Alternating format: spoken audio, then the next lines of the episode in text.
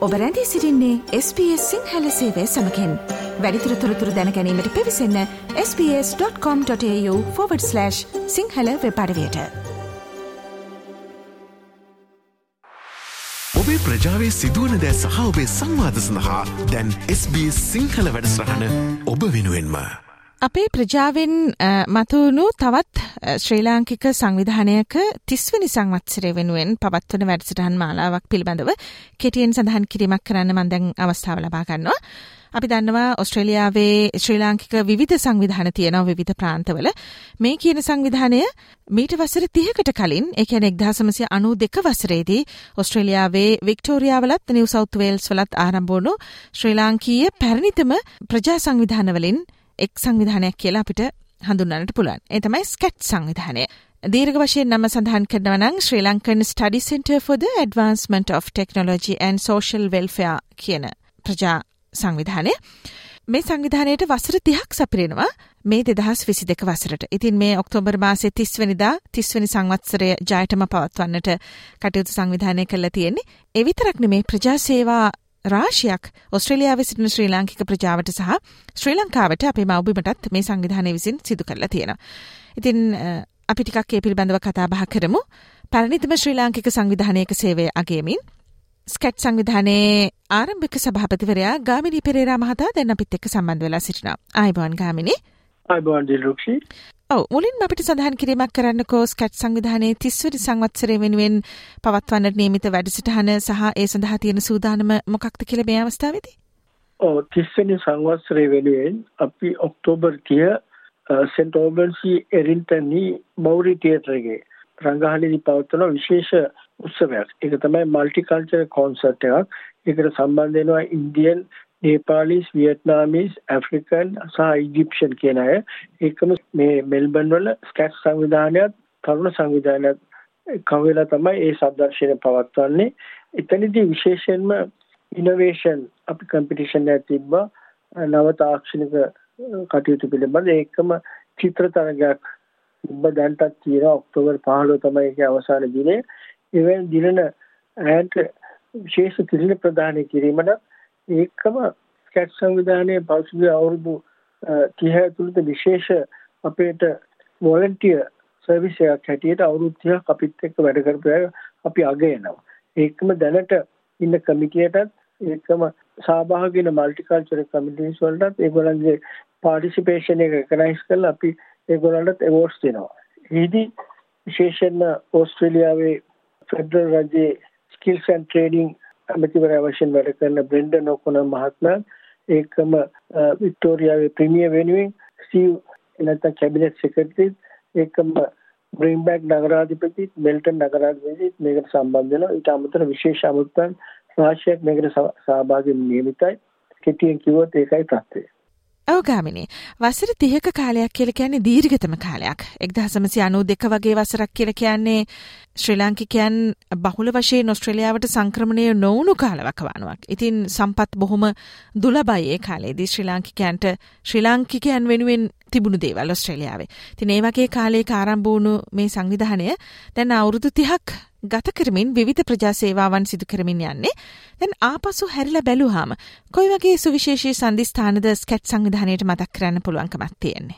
ඔය අතෝෂන් 1992 අපි මූලික වශයෙන් ස්කැට් සංවිධානය ආරම්භ කළේ එවකට ශ්‍රී ලංකාවේ සිට මෙල්බන් නැත්නම් ඕස්ට්‍රේලියාවට සංක්‍රමණය සංක්‍රමිතයන් වෙනුවෙන් මූලික පරිගණක පුහුණු කිරීමේ අවස්ථාවක් ලබා දීම. ඒකම ජොබ් රෙඩි ප්‍රෝග්‍රෑම් එකක්. ඒ කියන්නේ එනයන්ට ජොබ් එකකට කොහොමද ඇප්ලයි කරන්නේ? රිසියුම් කොහොමද සංවිධානය කරන්නේ? ඒවයි මූලික දැනුම ලබා දීමේ වැඩපිළිවෙලක් තමයි ඉස්සෙල්ලම ආරම්භ කරේ.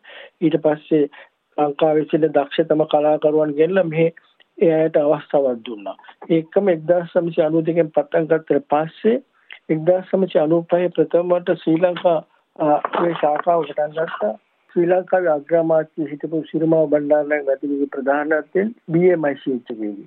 ඊට පස්සේ අපිට පුළුවන් වුණා 1996 ශ්‍රී ලංකාවේ තොරතුරු තාක්ෂණය පිළිබඳ මධ්‍යස්ථානය පටන් ගන්න ශ්‍රී ජයවර්ධනපුර විශ්වවිද්‍යාලයේ හිටපු කුලපති මහාචාර්ය බෙල්ලවිලි විමල රතන නායක ස්වාමීන් වහන්සේගේ ප්‍රධානත්වයෙන් ඊට පස්සේ 1997 මාපිය කැපකරු ශිෂ්‍යත්වක මේ පටන් ගත්ත ඉස්සෙල්ලම දුප්පත් දුගී ගම්මානවල සිටින දරුවන්ට තම අධ්‍යාපනය කටයුතු කිරීම සඳහා මෙහි ඉන්න පවුල් විසින් එයා ස්පොන්සර් කරලා හැම මාසෙම මුදලක් කෙලින්ම ඒ ළමයට යැවීමේ වැඩ පිළිවෙල.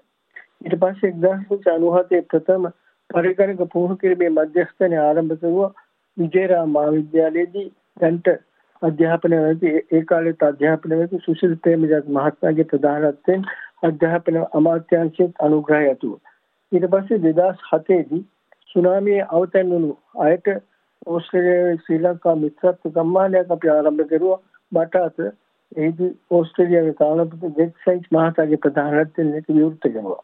ඒකම ශ්‍රී ලංකාවේ ගංගෝතුරෙන් අවතැනු විශේෂ පාසල් කීපයකට උදව් කරුවා මල්ලානේ සේනා ප්‍රාථමික පාඨශාලාවේ එකක්. ඊට අමතරව කොළඹ ඩේල්බ්‍රිජ්ජේ රෝහලට ඩොලර් 60 65000 විතර ආධාර දීලා ඒ ඉක්විප්මන්ට්ස් අපි ලබා දුන්නා.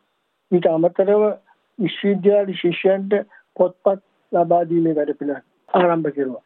දැන්ට අලුතෙන්ම කියනවනම් අලුත්ම තත්ත්වේ නව ව්‍යාපෘතියක් තියෙනවා අපේ ශ්‍රී ලංකාවේ ගම්මානවල දුප්පත්ම ළමයින්ට අධ්‍යාපනය කරන ළමයින්ට ඉස්කෝලවල ඉංග්‍රීසි කතා කිරීමේ වැඩපිළිවෙල සූම් තාක්ෂණය ඔස්සේ ඒක ඉතාමත් සාර්ථකව දැන් කිරීගෙන යනවා ඒක අපි බලාපොරොත්තු වෙනවා තවත් ව්‍යාප්ත කිරීමට දැන්ට නුවර පාසලක තමයි කරන්නේ. දැන් පටන් ගන්න මාස 3ක් විතර ඇති.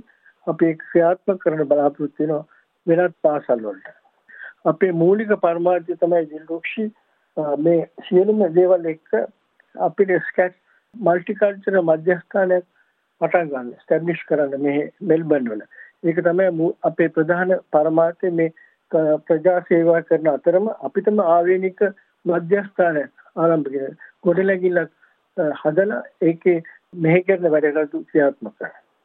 ඉතාමත්ම හොඳ සත්කාරයන් ගණනාවක් වසර ගණනාවක් තිස්සේ සිදු කරමින් යන ස්කැට් සංවිධානය Sri Lankan study centre for the Advancement of Technology and Social Welfare Australia කියන මේ සංවිධානය වික්ටෝරයා ප්‍රාන්තයේත් නිව් සවුත් වේල්ස් ප්‍රාන්තයේත් පිහිටුවාගෙන අපේ ශ්‍රී ලාංකික ප්‍රජාවට සහ අපේ මව්බිමට සිදු කරන සේවය අතිමහත්. ඉතින් මේ ඔක්තෝබර් මාසයේ 30 වෙනිදාට ස්කැට් සංවිධානයට වසර 30ක් සපිරෙනවා. ඕස්ට්‍රේලියාවෙන් ආරම්භ වුණු පැරණිතම ශ්‍රී ලාංකික සංවිධාන අතරට ස්කැට් සංවිධානය එකතු වෙනවා. ඉතින් ඒ වෙනුවෙන් තමයි අපි මේ සාකච්ඡාව කළේ. තිස්වනිදාට නියමිත තිස්වනි සංවත්සරය වෙනුවෙන් ස්කට් සංවිධානය වැඩසටහන් මාලාව පිළිබඳව කතාබහ කරන්නත් වසර තිහක් ගත වුණු මේ කාල සීමාවේදී ස්කට් සංවිධානයෙන් ඔස්ට්‍රේලියාවේ සිටිනායටත් ශ්‍රී ලංකාව අප මවබිමටත් සිදු කරපු සේවය පිළිබඳව යම් කෙටි මතක් කිරීමක් කරන්නත්. ඉතින් මේ කාර්යයට අපිත් එක්ක සම්බන්ධ වුණේ ස්කට් සංවිධානයේ ආරම්භක සභාපතිවරයා වන ගාමිණී පෙරේරා මහතා. අපි ස්තුතිවන්ත වෙනවා අපිට කතාබහ කරන්න සම්බන්ධ වීම පිළිබඳව ගාමිණී ඒ වගේම අපි සුභාශිංසන එකතු කරනවා ස්කට් සංවිධානයේ 30 වෙනි සංවත්සරය වෙනුවෙන්. බොහොම ස්තුතියි රුක්ෂි මට එකක් අමතක වුණා. දැන්ට ඇමරිකාවෙත් මේ සංවිධානයේ අපි ශාඛාවක් තියෙනවා සෑන් ෆ්‍රැන්සිස්කෝ නගරේ. ඉතාමත් සාර්ථක ලංකාවේ ව්‍යාපෘතීන් වලට ඒගොල්ලන් කෙලින්ම ආධාර කරනවා. අපි තා සතුටු වෙනවා. තවත් ඉස්සරහට වෙනත් රටවලත් මේ සංවිධානය ව්‍යාප්ත කිරීමට අපි බලාපොරොත්තු වෙනවා. බොහොම ස්තුතියි. ජයම වේවා. එසේ වේවා දෙලුක්ෂි. බොහොම ස්තුතියි. මේ අවස්ථාව ලබා දීමට SBS ගුවන් විදුලිසේවයට. SBS සිංහල වැඩස්ටහන සඳුදා අඟහරුවාදා බ්‍රහස්පතින්දා සහ සිකුරාදා පෙරවරු එකොළහට ඔබට සමීප වේ.